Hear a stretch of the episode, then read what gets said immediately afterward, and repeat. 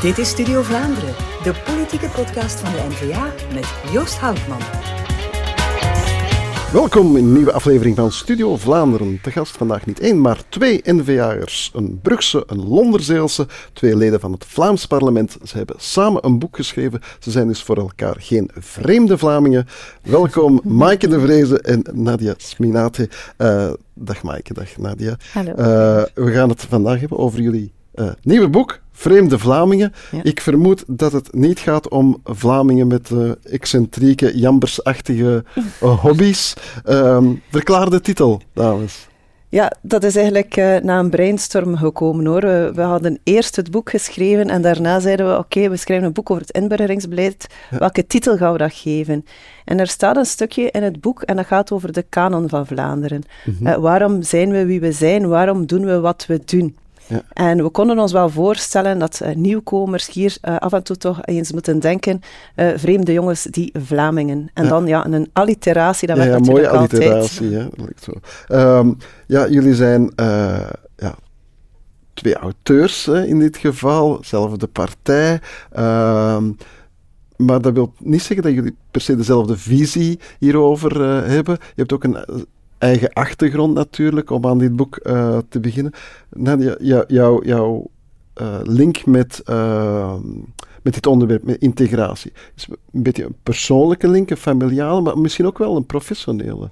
Ja, um, eerst en vooral, onze visie hm. was gedurende het schrijfproces opvallend gelijk. Ja. Um, iedereen zei van, oei, met twee een boek schrijven, dat zal niet zo gemakkelijk zijn, maar het was echt heel opvallend hoe wij over de dingen wel hetzelfde dachten. Ja. Maar het klopt wel dat wij een totaal andere achtergrond hebben. Um, ik ben opgevoed helemaal volgens Vlaamse tradities. Ja. Ik ben gedoopt, ik heb mijn communie gedaan, ik ben naar een katholieke school geweest. Maar natuurlijk heb ik wel de culturele bagage van de familie van mijn vader, Marokkaanse achtergrond, heb ik die wel meegekregen. Um, dus dat is, wel, dat is wel bijzonder. En het is eigenlijk door die link um, met de kennissenkring van mijn vader dat ik daar heel kritisch ben ja. beginnen over nadenken door het feit dat ik zag dat heel wat van die mensen geen contact buiten die eigen kokon zocht hier ja. in Vlaanderen. En ik vond dat echt wel problematisch.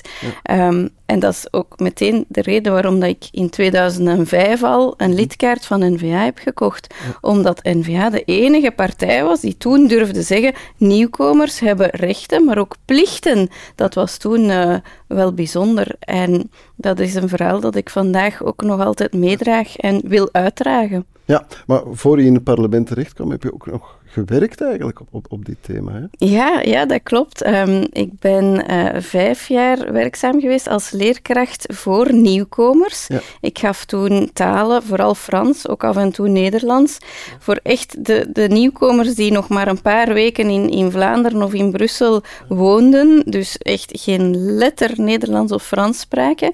Um, dus ja, het, het, het is wel iets waar ik al heel lang mee bezig ben, ja. ja. Maaike, jouw link met, met het onderwerp, ja, ja, je hebt al, voordat je in het parlement zat, heb je hier ook op gewerkt, hè? Ja. Eigenlijk al Hans mijn professionele uh, carrière ben ik bezig met uh, migratie, migratie. Mm -hmm. En dan ook later uh, natuurlijk in het parlement met inburgering. Ik ben jarenlang te werk gesteld geweest bij de dienst Vreemdelingenzaken. Ja. Daar was ik migratie-expert. Ik gaf daar bijstand aan de politiediensten en aan de inspectiediensten op het terrein. Dus ik heb daar met talloze nieuwkomers, illegaal en uh, legaal gesproken, heel veel gesprekken gedaan en ook gemerkt bijvoorbeeld dat zelfs bij mensen die hier al jaren zijn, dat het soms moeilijk was om daar een gesprek mee te voeren, gewoonweg omdat ze de taal niet machtig waren. Ja. Maar ook, uh, wat, ik, wat ik bijvoorbeeld tegengekomen ben, uh, talloze keren, is dat je als vrouw een vraag stelt, dat men je negeert of weigert erop te antwoorden en de mannelijke collega of de mannelijke inspecteur van politie, dat men daar ook wel op antwoordt. Dus dat je toch ziet dat die waarden en normen dat die niet altijd gelijklopend zijn, dat het heel belangrijk is voor ons om dat toch wel te gaan benadrukken. En dat die taal iets is die cruciaal is. Dus voor mij eigenlijk professioneel dienstvreemdelingenzaken, het rechten- en plichtenverhaal van de NVA, net zoals Nadia, was aanleiding om dan op het kabinet van Theo Franken te gaan werken. jullie hebben nu samen het boek uh, gemaakt. Ja, hoe zijn jullie concreet te werk gegaan? Hoe is dat verlopen? Jij zei al van ja, opvallend veel hetzelfde gedacht, maar ja, hoe is dat in de praktijk verlopen? Die beginperiode was wel moeilijk. Hè. Je, je hebt een idee, maar om dat op papier gezet te krijgen, dat is nog iets anders. Dus we hebben heel veel gebrainstormd. Niet alleen met ons beiden, maar ook uh, met medewerkers, uh, mensen zelfs buiten de partij. Heel veel verhalen.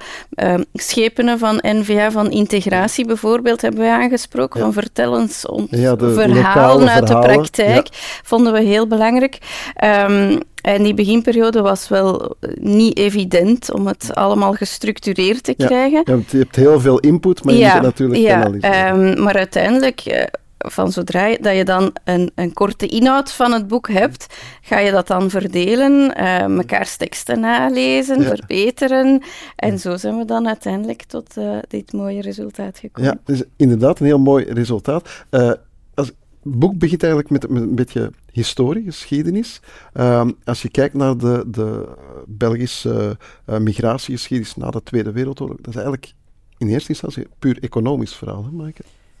Ja, het is zo dat je merkt na de Tweede Wereldoorlog dat de eerste bilaterale akkoorden worden gesloten tussen twee landen om eigenlijk gastarbeiders naar hier te, te toe te trekken. Het eerste akkoord is in 1946 met Italië, waarbij we zoveel mogelijk Italiaanse eh, arbeiders naar hier willen voor in de steenkoolmijnen te werken. Tienduizenden uh, Italianen zijn hier op die manier te werk gesteld. En het is zelfs zo in 1956 dat meer dan de helft van de mijnwerkers vreemdelingen waren. En daarna zie je dat oh, dit land met meerdere landen bilaterale akkoorden begint uh, te, te, maken. met Spanje, met Griekenland en vanaf de jaren 60, 64 60 zien we ook akkoorden met derde landen. Landen die niet onderdeel uitmaken van de Europese Unie. Bijvoorbeeld met Turkije en Marokko. Wil dat zeggen dat er voordien geen migratie was? Jawel, maar dat was niet gereglementeerd. Vanaf de Tweede Wereldoorlog probeert men daar dat te reglementeren. Begint men te werken met arbeidskaarten, begint men de gezinshereniging te, uh, te reglementeren. En dat is eigenlijk een start waarbij men migratie ook wettelijk in feite in, in, in wetten giet maar men vergeet compleet de inburgering. Men gaat ervan uit dat die mensen terug gaan gaan. Ja, eh, ze vergeten eigenlijk wat de, de, de culturele achterkant van de, van, van de medaille. Hè? Ja, ja, dat hebben we heel duidelijk gezien. Op het moment dat die akkoorden met Italië, met Marokko werden gesloten, was daar eigenlijk quasi geen parlementair debat over, omdat men die arbeidskrachten simpelweg heel hard nodig had. Maar daarbuiten werden er wel degelijk vragen gesteld door de bevolking, maar ook door de academische wereld. er waren professoren die zeiden: we moeten opletten dat we de culturele grenzen laten liggen waar ze liggen. Mhm. Of een andere professor die zei, die waarschuwde van um, er gaan problemen reizen met moslims die zich moeten aanpassen aan onze Europese wetten en gebruiken. Dus toen al eh, waren er stilaan waarschuwingen. Um, en na verloop van tijd begon men ook bij de politiek te beseffen van uh, die mensen komen naar hier, zoals Maaike zegt, maar ze blijven ook hier. Dus we gaan daar op een of andere manier mee moeten samenleven. Um, dus men besefte dat en stilaan begon daar ook een beleid in die richting te komen. Maar dat beleid was vooral gericht op onthaal. Mm de rechten van die nieuwkomers werden duidelijk gemaakt in brochures. In... Maar de plichten dat zagen we nog niet. Dat heeft nog tientallen jaren geduurd. En eigenlijk mogen we toch wel zeggen dat het pas op het moment was dat Geert Bourgeois uh, die bevoegdheid uh, naar zich toegetrokken heeft, dat ook dat plichtenverhaal uh, erbij gekomen is. En wij willen met ons boek dat verder zetten en, en zelfs nog wat verder gaan in ja. uh, die plichten voor nieuwkomers. Ja, maar dus het, ja, het inburgeringsbeleid, ja, daar is heel lang ja, eigenlijk weinig sprake van geweest. NVA is daarop beginnen inzetten. Kan je misschien eens aangeven wat de belangrijkste verwezenlijkingen zijn en eventueel waar nog de pijnpunten liggen? Ja. Ik denk ook, we, zijn gestart met dat inburgeringsbeleid, maar we zijn daar ook niet mee gestopt. Mhm. We hebben daar eigenlijk telkens verder op gewerkt. En wat je ziet, dat wij het recht- en plichtenverhaal centraal stellen en waarbij we nu geëvolueerd zijn dat we ook gaan testen, dat mensen moeten slagen in de test, dat we die lat ook telkens malen hoger gaan leggen en dat we ook vragen om een billijke vergoeding te betalen. Niets is gratis, dus ook ons inburgeringsbeleid niet. En we zijn dus eigenlijk gestart met ons voornamelijk te focussen op taal, Nederlands. Nederlands is cruciaal. Het is de mayonaise en de maïzena in onze samenleving. Uh, daarop gaan we verder. En we zijn dan gestart met waarden en normen. Mhm. Neutraliteit, scheiding kerk-staat, gelijkheid man-vrouw, om daarop te hameren. En de laatste jaren hebben we gezegd van, maar eigenlijk is dat nog niet voldoende. Daaraan moeten we de lat hoger leggen, maar we gaan ook gaan werken op een sociaal netwerk. Dat is eh, een, een, een derde eh, aspect dat we toegevoegd hebben. Een buddyproject dat je moet volgen, vrijwilligerswerk, maar ook een verplichte inschrijving bij de VDAB. Werk is cruciaal, want als je bekijkt mensen op de werkvloer, die gaan ook een tasje koffie gaan drinken samen, die hebben uh, oefenkansen in Nederland. Dus dat is ook een rode draad in ons boek waarbij we zeggen, werk is een echt band wel, Ja, dat meer een band. Is een, ja. Ja, jullie benoemen niet alleen uh, problemen, je geeft ook niet alleen duiding, maar jullie komen ook, of jullie reiken ook uh, oplossingen uit, aan. Uh, ik ga er een paar uh, uitnemen en eventjes met jullie aftasten. Um, Maaike, wat moeten we verstaan onder het concept van inburgering in het land van herkomst? Waarom is dat wenselijk. Alle woordjes zijn daar uh, ja. uh, van belang. Voor mij is dat iets belangrijks. Uh, wat we daar eigenlijk doen, is ehm, migratie koppelen aan inburgering. Hm. We stellen al een voorwaarde tot inburgering vooraleer je naar hier komt. Ja. Er zijn heel wat mensen die via gezinshereniging naar ons land komen. Dat is hun recht. Zij komen sowieso naar hier.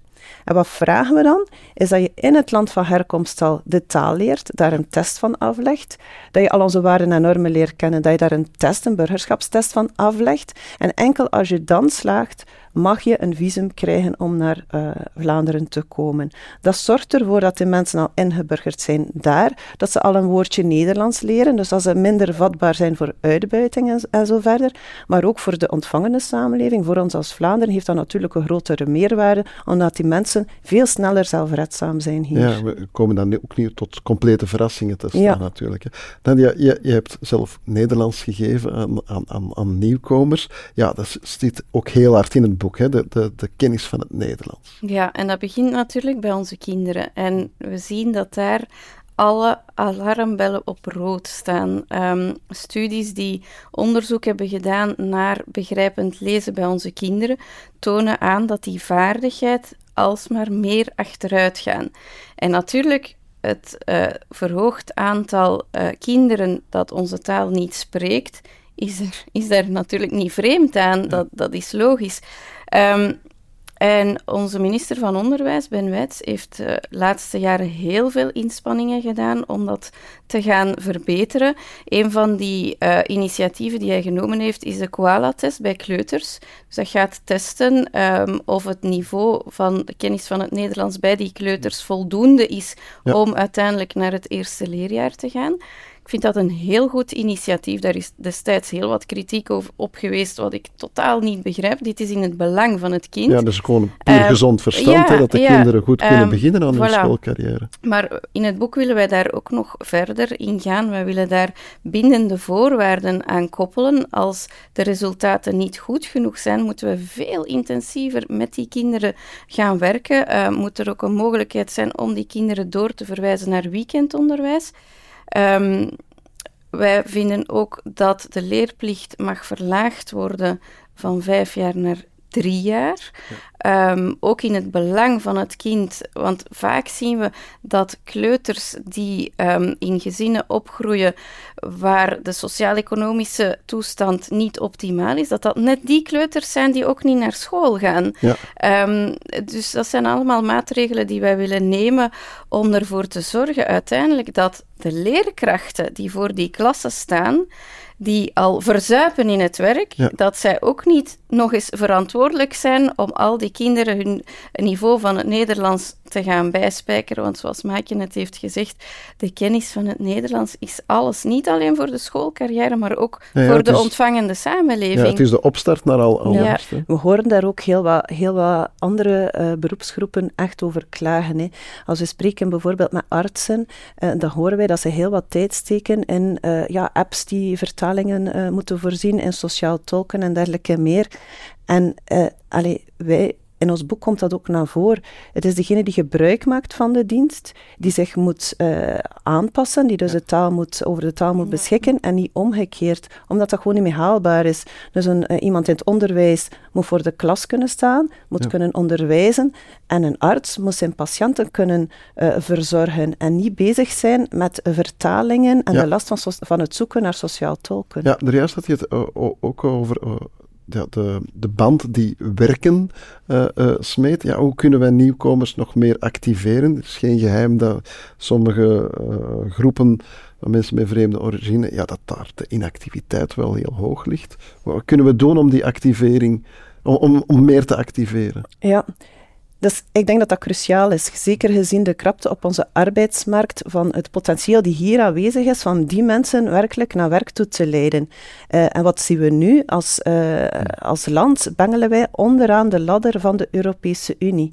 Uh, slechts 44 procent uh, van uh, de nieuwkomers is werkelijk aan de slag. Er is een potentieel van nog 123.000 mensen. En ja, werk is natuurlijk ook de sleutel tot verdere integratie, ja, financieel. Werk, financieel dus, en er is werk. En dus daar zetten we veel te weinig op in. Dus wij zeggen van oké, die inschrijving bij de VDAB, die nu verplicht is, dat is niet voldoende. Mensen moeten ook werkelijk aan de slag gaan.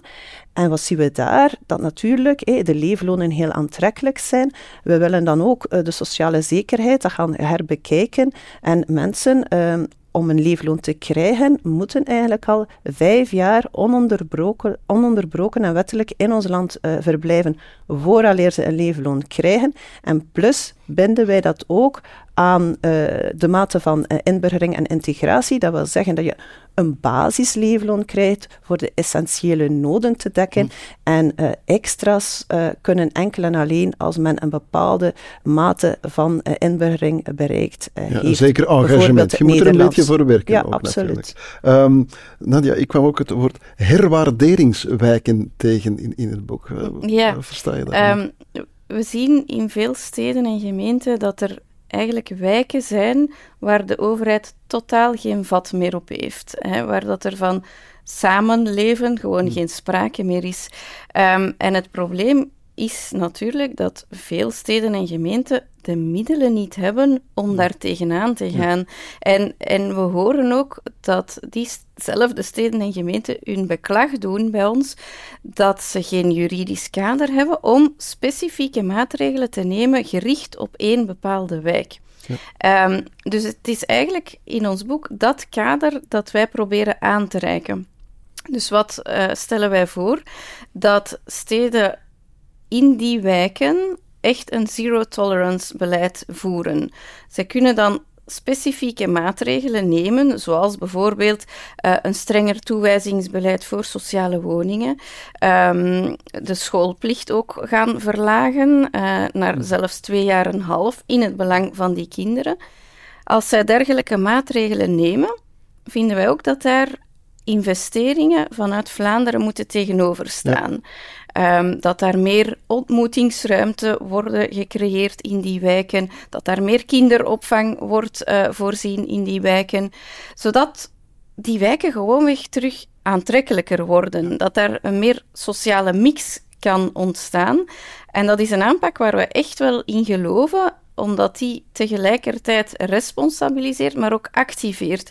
Um, dus ik denk echt dat daar grote nood aan, aan is, aan ja, dergelijke je maatregelen. Een, een groter engagement, maar ja. je biedt natuurlijk wel iets, iets meer. Voor wat hoort wat. En wij baseren ons eigenlijk voor die verschillende voorstellen op zaken die werkelijk gerealiseerd kunnen worden. Hè. Hm. Inburgering in het land van herkomst. In Nederland doen ze dat al. Dit soort van voorstel over herwaarderingsweken, we hebben dat aangepast op Vlaamse maat, maar ze doen dat al in Denemarken. Dus dat was voor ons heel belangrijk. Die voorstel moet ook echt wel realiseerbaar ja, het is niet in, in het eilen uitgedacht. nee. Het zijn concrete uh, uh, zaken die al elders nut hebben bewezen. In functie. Uh, ik heb nu enkele dingetjes, ze noemen dat dan cherrypicking, uh, gedaan, enkele zaken eruit gepikt. Zijn er nog zaken waarvan jullie zeggen van, ja, daar willen we het nog even over hebben? Of zeggen jullie, nee, nee laat de mensen vooral het boek uh, lezen en erin duiken? Misschien, misschien nog eentje ja, kort, um, wat ook wel de laatste weken wat in de aandacht gestaan heeft, dat is de neutraliteit van de overheid. Mm -hmm. um, dat is een thema waar ik al jaren aan de kar trek uh, in het Vlaams parlement. Um, we zijn daarin geslaagd in 2019 om dat ook in het regeerakkoord in te schrijven, namelijk dat een Vlaamse ambtenaar ten allen tijde neutraal moet overkomen in zijn klederdracht. Hè. Geen hoofddoek, geen keppeltje, geen t-shirt met de naam van een politieke partij op bijvoorbeeld. Ja. Dus dat staat in het regeerakkoord, maar minister, toenmalig minister Somers heeft dat nooit willen uitvoeren. Um, hij heeft altijd geschermd met procedures uh, die lopende zijn voor het Europees Hof van Justitie enzovoort. Die uitspraken zijn nu in het voordeel van ons regeerakkoord, dus ik probeer nu de opvolger, minister Rutten, daartoe te bewegen, maar ook zij weigert van ons regeerakkoord uit te voeren. Dus ook dat wordt beschreven in ons boek. Wij laten dat niet los. Nee, jullie geven daarmee een stevige ja. voorzet.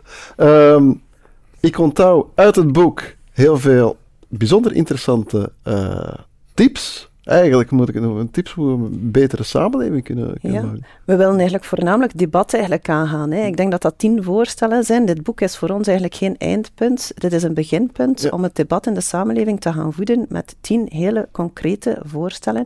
Dus ik zou zeggen, uh, laat het debat uh, losbarsten. Hè. Ja, want het is ook een, een, een onderwerp waar al gemakkelijk heel polariserend wordt over gedaan. Maar als we zien, het is een... Uh, dik boek, dus ja. er zit, uh, kan genoeg over gepraat uh, worden. Uh, Maaike, Nadia, ik dank jullie voor het boek en voor de heldere uitleg. ik dank ook u, beste kijker en luisteraar, op naar een volgende Studio Vlaanderen.